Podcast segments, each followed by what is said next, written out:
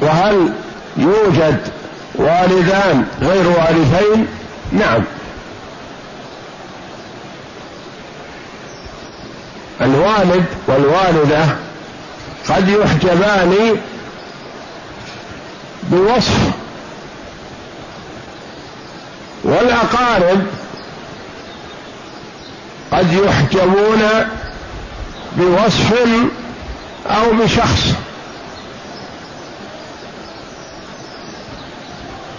فقالوا هذه الآية ليست منسوخة وإنما هي خاصة بالوالدين غير الوارثين.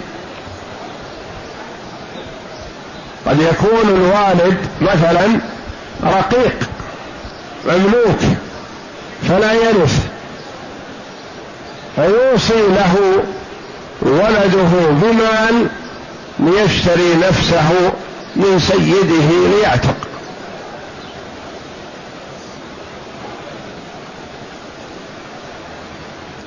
وقد يكون الوالد كافر غير وارث لابنه المسلم. فمن باب البر والإحسان والتلطف مع الوالد وإن كان كافرا يوصي له بشيء من المال. تبررا والله جل وعلا يقول لا ينهاكم الله عن الذين لم يقاتلوكم في الدين ولم يخرجوكم من دياركم أن تبروهم وتقسطوا إليهم. وصفية أم المؤمنين رضي الله عنها أوصت لأخ لها يهودي. فالوصية تجوز لغير المسلم. وكذلك الأقارب قد يكون محجوب بشخص وقد يكون محجوب بوصف. بوصف رق أو كفر. وبشخص مثلا محجوب منه وأقرب منه. فلصاحب المال الذي دنا أجله أن يوصي لهذا القريب بشيء من المال. له أن يفعل ذلك ولا يلزمه. وقيل منسوخة وقيل خاصة بالوالدين والأقارب غير الوارثين.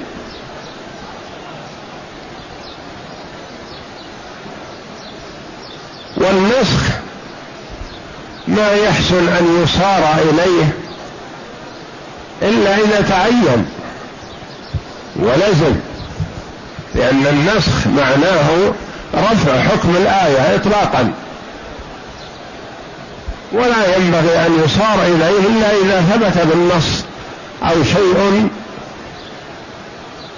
نقل عن بحيث أنه ما يتأتى فيه إلا هذا. وكذلك التخصيص ما يحسن تخصيص الآية بحكم لم يرد تخصيصها به. وإنما أتى بعض المفسرين رحمهم الله بكلام حسن في هذا فقال الآية هذه عامة قبل فرض المواريث.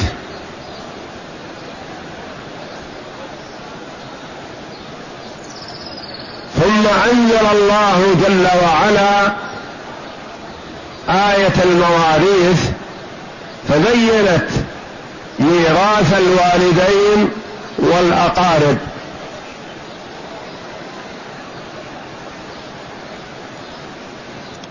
وبقيت هذه الآية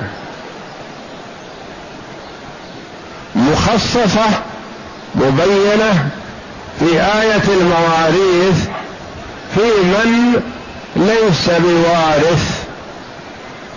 ولا نقول إن هذه الآية مخصصة بتلك أو منسوخة بتلك وإنما آية المواريث بينت حكم الوارث.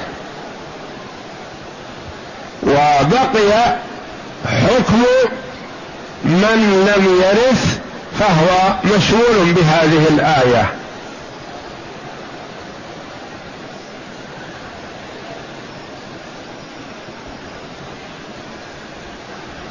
فالاجداد يسمون والد. فالجد إذا لم يكن وارث يمكن أن يوصى له بشيء. والجدة غير الوارثة يمكن أن يوصى لها بشيء. والأجداد من قبل الأم غير وارثين. أبو الأم وأبو أبيه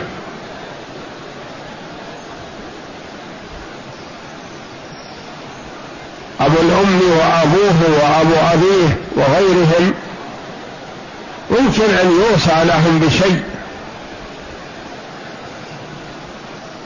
فتكون الآية هذه غير منسوخة وإنما وضحت آية المواريث بعض ما تضمنته وبقي أشياء وأمور وأحكام لم تضمنها آية المواريث فتكون مدلول عليها بهذه الآية الكريمة.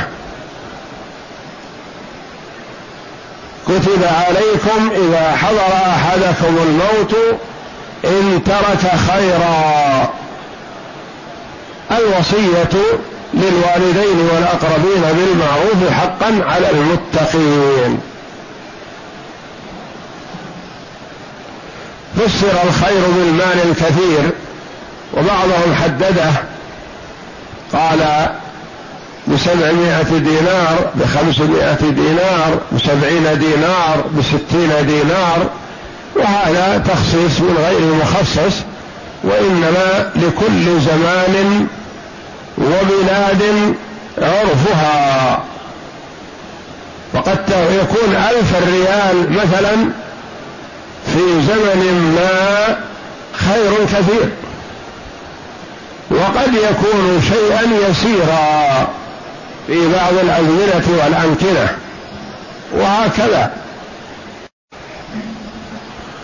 والنبي صلى الله عليه وسلم حث على الوصية.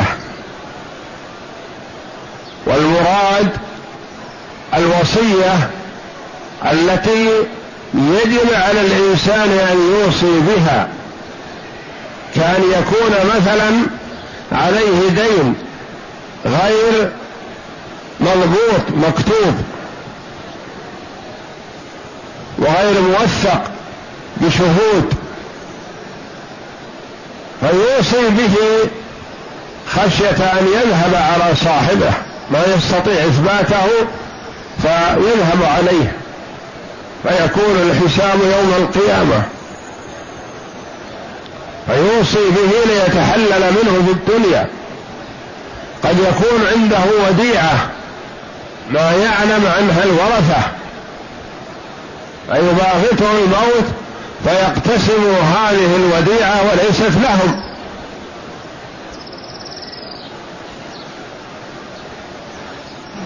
يقول صلى الله عليه وسلم فيما رواه ابن عمر رضي الله عنهما ما حق امرئ مسلم له شيء يوصي فيه يبيت ليلتين إلا ووصيته مكتوبة عنده. قال ابن عمر ما بت ليلة بعد أن سمعت رسول الله صلى الله عليه وسلم يقول ذلك إلا وقد كتبت وصيتي. فكتبها رضي الله عنه وهو في حدود العشرين وتوفي فوق ثمانين سنة. فالوصية وكتابتها لا تقرب الأجل. بعض الناس يكره أن يوصي وهو نشيط أو شاب أو كذا يقول أخشى أن أتفاعل على نفسي بدنو الأجل. لا يا أخي الوصية ما تقرب أجلا ولا تباعده. والوصية الواجبة التي يجب على المرء أن يوصي بها. أما ما لا يجب عليه فهو في حل منها إن شاء أوصى وإن شاء ترك.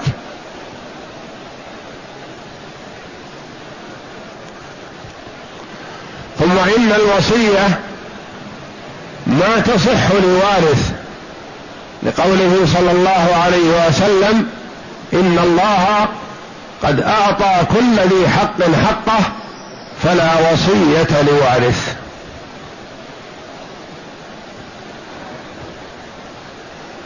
ولا ينبغي للفقير ومن ماله قليل أن يوصي وإنما يترك ما يترك لورثته فهم أحق الناس به.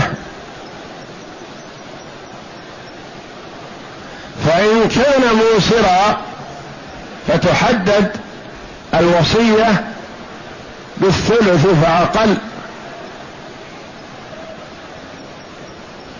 لما جاء عن النبي صلى الله عليه وسلم فيما رواه سعد بن أبي وقاص رضي الله عنه.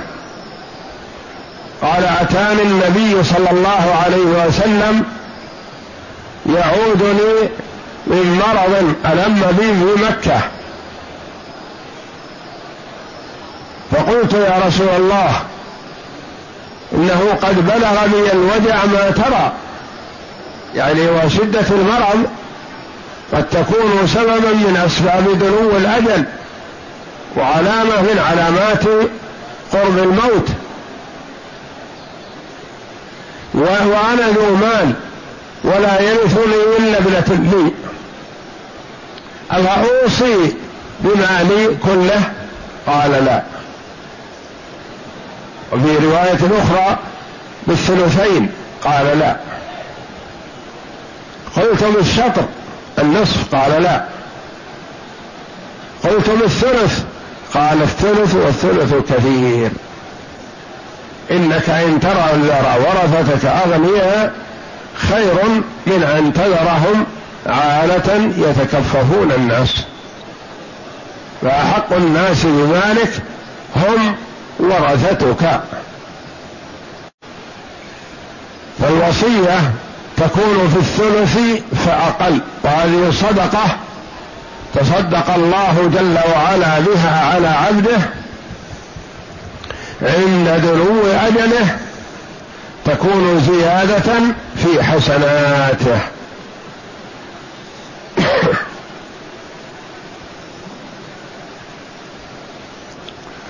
ونهى الله جل وعلا عن الجور في الوصية. وحذر من ذلك النبي صلى الله عليه وسلم. وجاء في الحديث أن الرجل يعمل بعمل أهل الجنة ستين سنة. فإذا كان عند الموت جار في وصيته فعمل بعمل أهل النار فكان من أهلها والعياذ بالله. وينبغي للمسلم أن يحرص على كتابة الوصية والإشهاد عليها ليريح من بعده. لأنها إذا كانت الوصية غير مكتوبة فقد يصعب إثباتها وقد ينسى الشاهد وقد يكون بعيدا وقد يموت قبل إثباتها. فتذهب. فليحرص المرء على الوصية ولتكن وصيته بكتابة طالب علم يعرف ما الواجب على المرء نحو ماله. ولا يتخبط في ماله عن جهل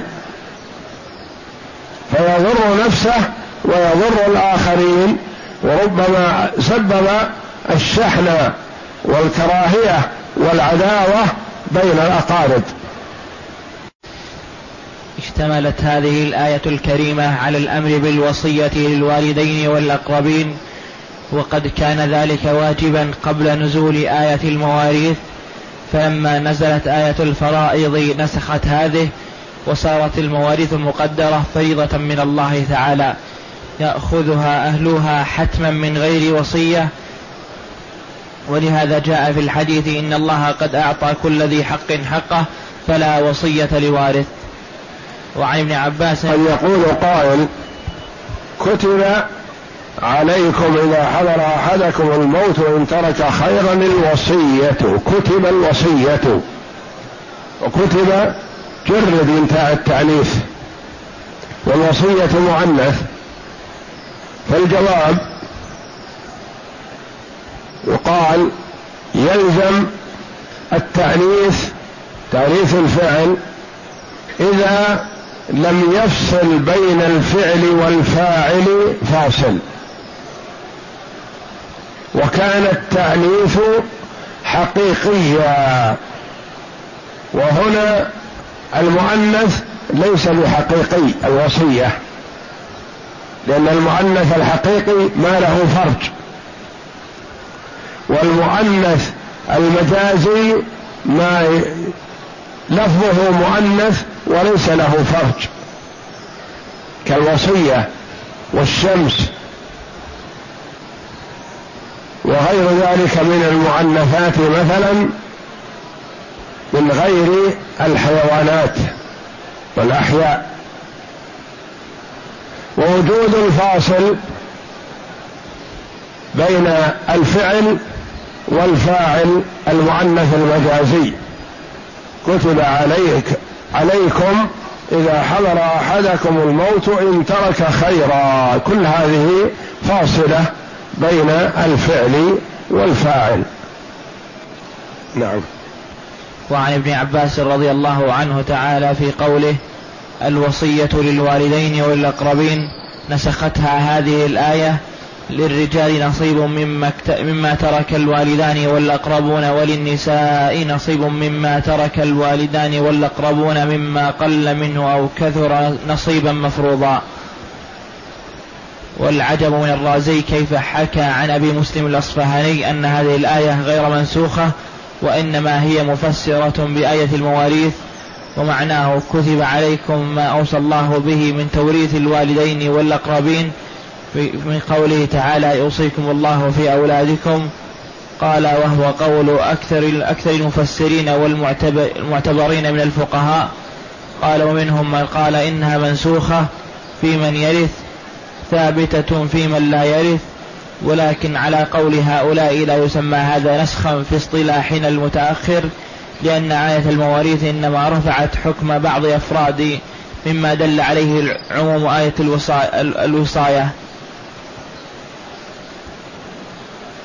ولما ثبت أن رسول الله صلى الله عليه وسلم قال ما حق امرئ مسلم له شيء يوصي فيه يبيت ليلتين إلا يعني إذا كان عنده شيء يوصي به فيجب عليه ذلك. وأما إذا لم يكن عنده شيء يوصي به فلا يلزم أن يكتب الوصية. والوصية قد تكون واجبة وقد تكون مستحبة وقد تكون مباحة وقد تكون محرمة وقد تكون مكروهة. تتأتى عليها جميع الأحكام الشرعية. الوجوب والتحريم والاستحباب والكراهة والإباحة. الوجوب إذا كان عنده شيء يوصي به أمانة وديعة دين وليس موثق فيجب عليه أن يوصي به. الحرمة يحرم عليه أن يوصي بشيء من المال لبناء كنيسة أو لشراء خمر أو لكتابة التوراة والإنجيل. المنسوخين وغير ذلك من الأشياء المحرمة أو يوصي بأن يبنى على قبره مسجد. الأشياء المحرمة هذه محرمة. والمستحبة إذا كان عنده مال كثير وله أقارب فقراء فيستحب له أن يوصي لهم بشيء ولا يجب.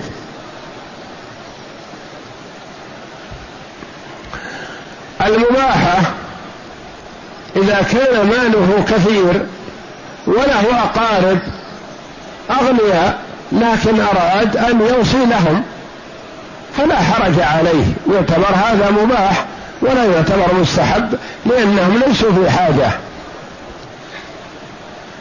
الكراهية كان يوصي بمال من أجل كتابة الشعر أو نحو ذلك من الأمور التي لا يتقرب بها إلى الله جل وعلا فيقال هذا الشيء مكروه وليس بمحرم. نعم. لقول الرسول صلى الله عليه وسلم ما حق امرئ مسلم يبيت مسلم له شيء يوصي فيه يبيت ليلتين إلا وصيته مكتوبة عنده. قال ابن عمر رضي الله عنهما ما مررت ما مرت علي ليلة منذ سمعت رسول الله صلى الله عليه وسلم يقول ذلك إلا وعنده وصيتي. وقوله تعالى هو سمع هذا من النبي صلى الله عليه وسلم وهو في حدود دون العشرين. وتوفي صلى الله رضي الله عنه وعمره فوق الثمانين وقوله تعالى إن ترك خيرا أي مالا قاله ابن عباس ومجاهد ثم منهم من قال الوصية مشروعة سواء قل المال أو كثر ومنهم من قال إنما يوصي إذا ترك مالا كثيرا. قيل لعلي رضي الله عنه إن رجلا من قريش قد مات وترك ثلاثمائة دينار أو أربعمائة ولم يوصي. قال ليس بشيء. إنما قال الله إن ترك خيرا. إذا تركت شيئا يسيرا فاتركه لولدك. إذا لم يترك مالا كثيرا فيحسن أن يتركه لورثته. ولا يوصي بشيء منه وإنما الوصية لمن ترك خيرا يعني مال كثير فيه سعة. ثم قال جل وعلا فمن بدله بعدما سمعه فإنما إثمه على الذين يبدلونه إن الله سميع عليم. فمن بدله بدله ضمير فاء مذكر والمتقدم الوصية لعل المراد والله أعلم الضمير يعود إلى المفهوم من الوصية وهو, وهو الإيصاء. فمن بدل الإيصاء الذي حصل فإنما إثمه عليه.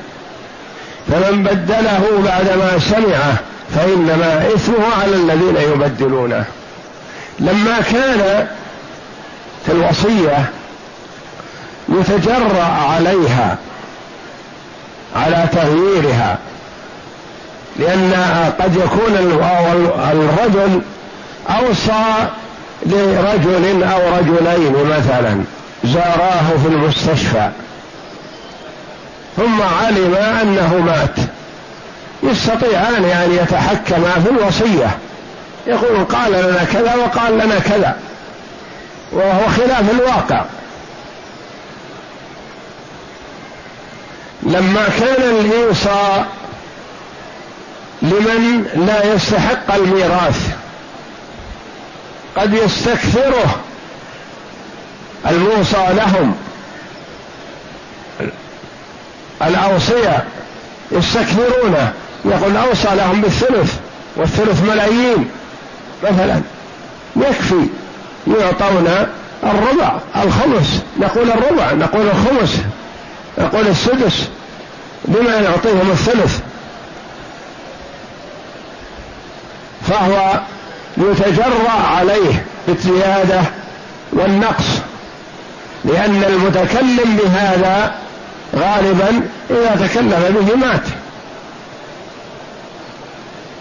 فالأوصياء الذي عندهم شهادة بالوصية يتحكمون في هذا يقول قال لنا كذا وقال لنا كذا. فوعظهم الله جل وعلا وخوفهم فقال فمن بدله بدل الوصية بعدما سمعها سمع الوصية لزيد بألف ريال. قال لا نقول ألف ريال يقسم بين زيد وعمرو.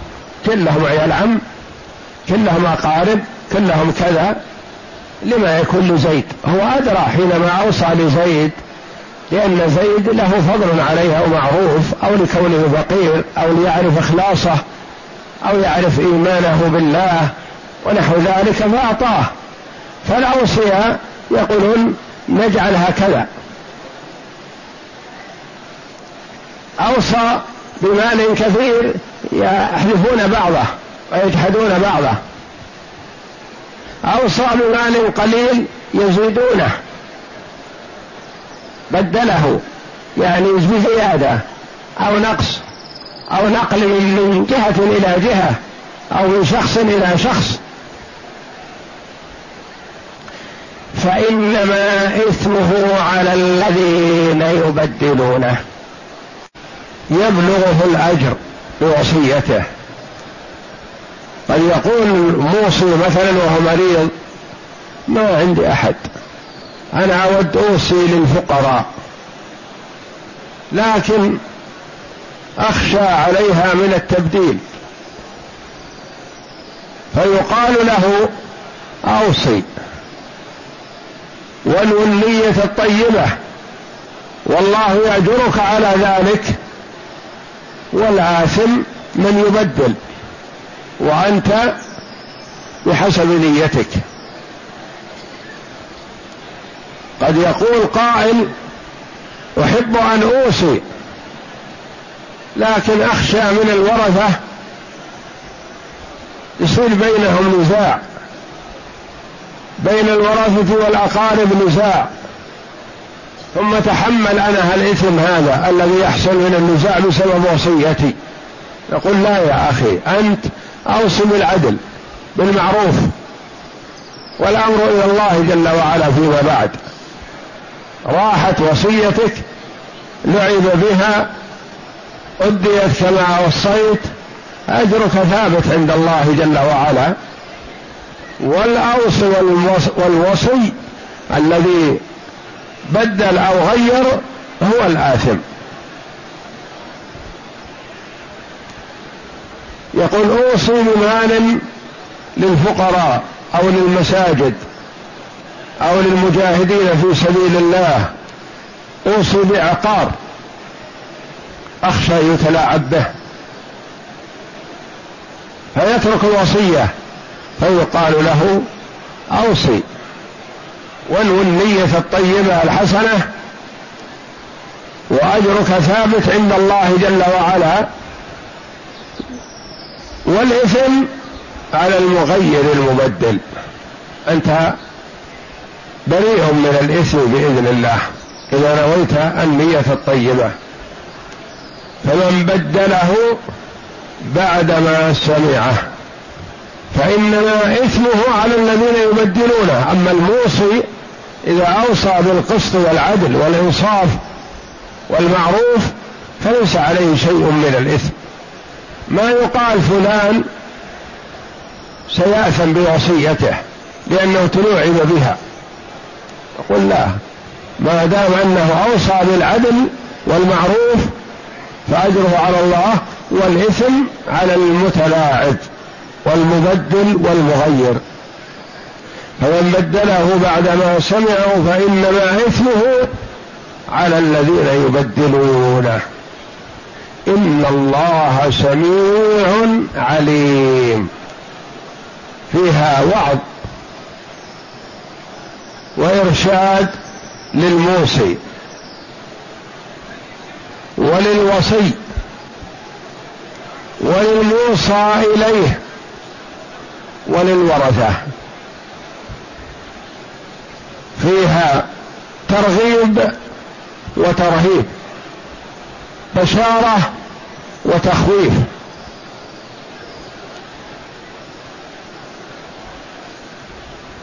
من أوصى بالمعروف والعدل. فالله جل وعلا سامع لوصيته. يبشر بالخير. عليم جل وعلا بنيته. يقال فلان أوصى وصيته ونيته طيبة لكن الأوصية تلاعبوا يقول الله سميع عليم. سميع لما أوصى به الموصي بالنية الطيبة وعليم بنيته فأجره عند الله. الاوصياء المتلاعبون الله جل وعلا سميع لما يصدر منهم من كلام ومحاولة لتبديل وتحريف الوصية عليم بما في ضمائرهم ونياتهم يعاقبهم على ذلك. لا تخفى عليه خافية. والله جل وعلا يقول ولا تزر وازرة وزر أخرى. فبعض الناس يظن أنه إذا تلوعب بالوصية وحرفت وغيرت أن الموصي يحرم الأجر. أو أن الموصي ربما يكون آثم لأن ورثته أو أوصياءه تلاعبوا بالوصية لا. ليس بآثم ولا محروم من الأجر فالله جل وعلا سميع لما صدر منه يعطيه عليه وعليم بنيته يثيبه على قدر نيته إنما الأعمال بالنيات. المتلاعبون يقال لهم الله سميع عليم. يسمع ما يصدر منكم من تلاعب وعليم بما في قلوبكم من الغش والخيانة والخداع وسوء المعاملة لأصحاب للموسى لهم. إن الله سميع عليم.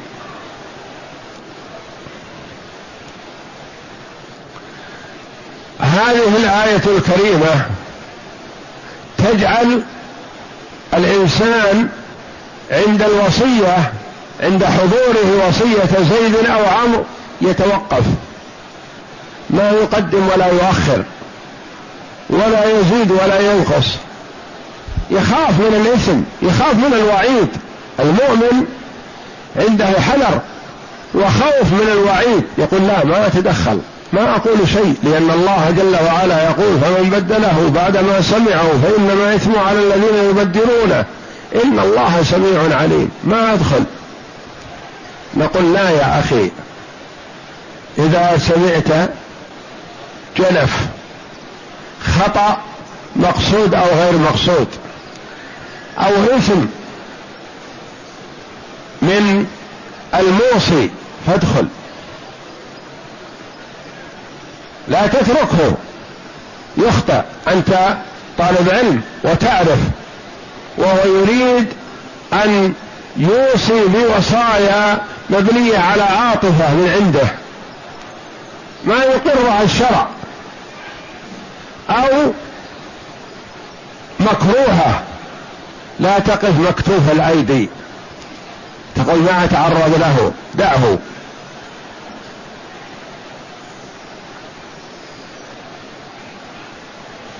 أو تراه يريد عمدا الإثم.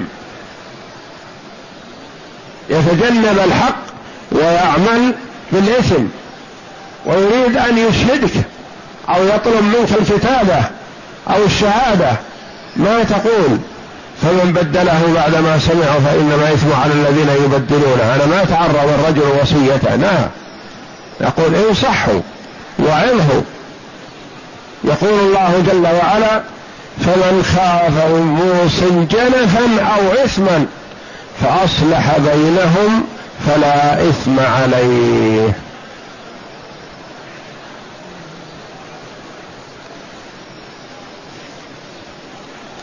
فمن خاف من موص جنف قالوا الجنف الخطأ وقد يكون غير مقصود.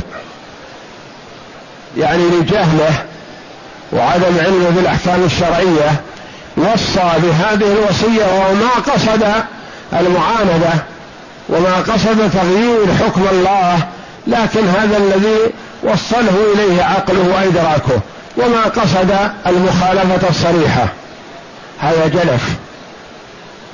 والآخر يعرف لكنه يريد أن يخالف ويتحيل على الميراث. الذي جعله الله جل وعلا. كأن يكون لا يرثه إلا بنت مثلا. يقول البنت تأخذ النصف. والباقي لأبناء العم الأباعد مثلا.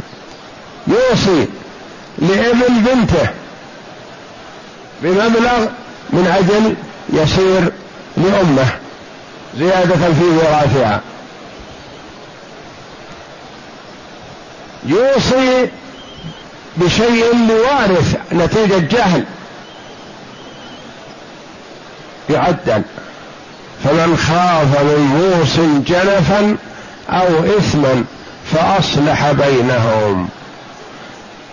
هو في حال حياته قبل موته يبين له ذلك وينصحه. فإذا مات فيحسن أن يتدخل بين الورثة والموصى لهم لتعديل الوصية على وفق الشرع بالإصلاح والمعروف. فيدخل بينهم ويحثهم على المعروف وعلى الخير وأن مورثكم أوصى بهذه الوصية نتيجة جهله وإلا ما قصد مخالفة الشرع. فأنتم عدلوها على وفق الشرع واللي وصي لهم بغير حق مثلا يتنازلون عن بعض الشيء وهكذا يدخل في المع بالإصلاح بين الطرفين حسب ما تمليه الشريعة الإسلامية. هذا لا يعتبر تدخل ولا يعتبر تبديل وإنما هو إصلاح. والله جل وعلا عالم بالنيات. والله جل وعلا يقول لا خير في كثير من نجواهم إلا من أمر بصدقة أو معروف أو إصلاح بين الناس. واحد يدخل بين الناس لأجل يفسد ما بينهم. هذا متوعد. واحد يدخل بين الناس ليصلح ما بينهم من فساد. هذا موعود الأجر والثواب العظيم من الله جل وعلا. ومن يفعل ذلك ابتغاء مرضات الله فسوف نؤتيه اجرا عظيما. فمن خاف من موص جنفا أو اثما فأصلح بينهم. فلا إثم عليه. ما يأثم بهذا؟ وله الأجر عند الله جل وعلا. إن الله غفور رحيم. فقد يكون تدخله بين شخصين أو بين طائفتين أو بين جماعتين سبب لمغفرة ذنوبه. تغفر ذنوبه بهذا الإصلاح الذي دخل فيه. اقرأ.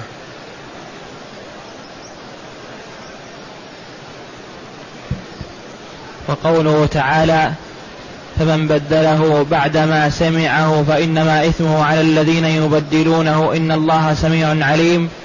يقول تعالى فمن بدل الوصية وحرفها فغير حكمها وزاد فيها أو نقص ويدخل في ذلك الكتمان لها بطريق الأول فإنما إثمه على الذين يبدلونه.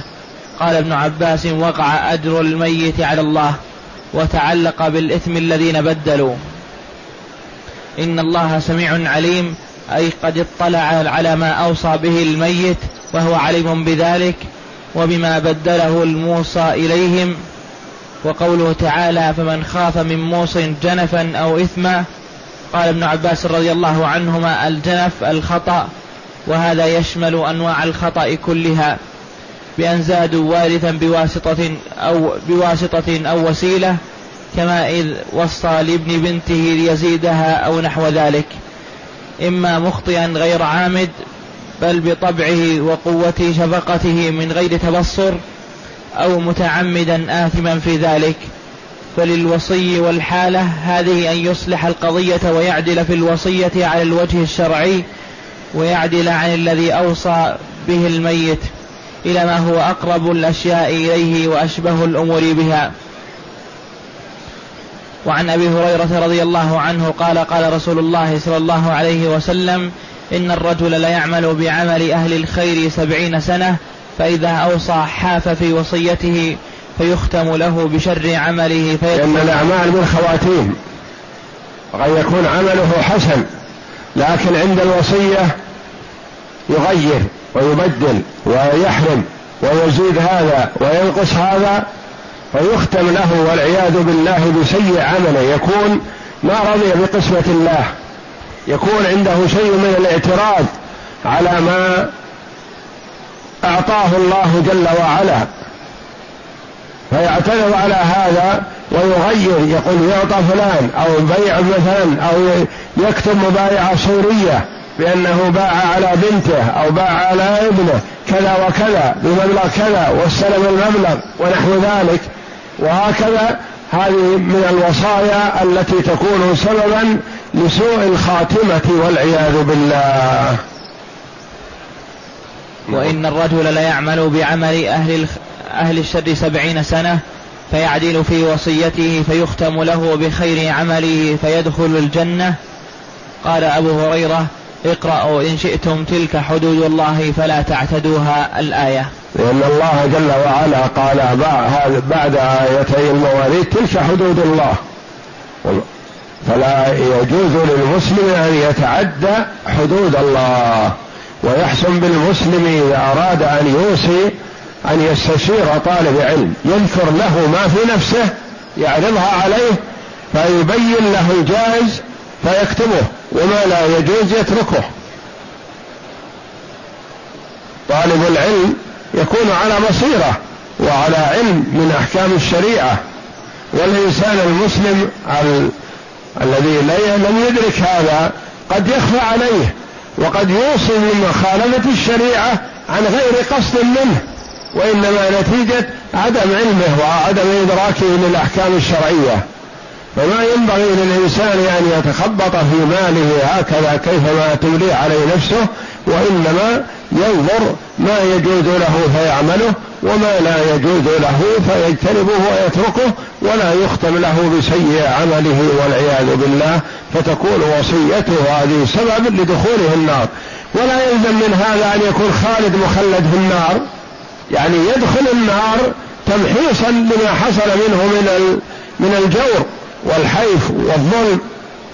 وإن كان مآله إذا مات على التوحيد مآله إلى الجنة لأن المسلم لا يخلد في النار بكبيرة من الكبائر.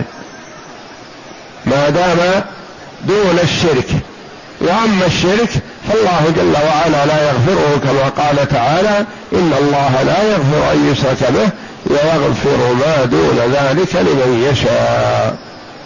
والله أعلم وصلى الله وسلم وبارك على عبده ورسول نبينا محمد وعلى آله وصحبه أجمعين.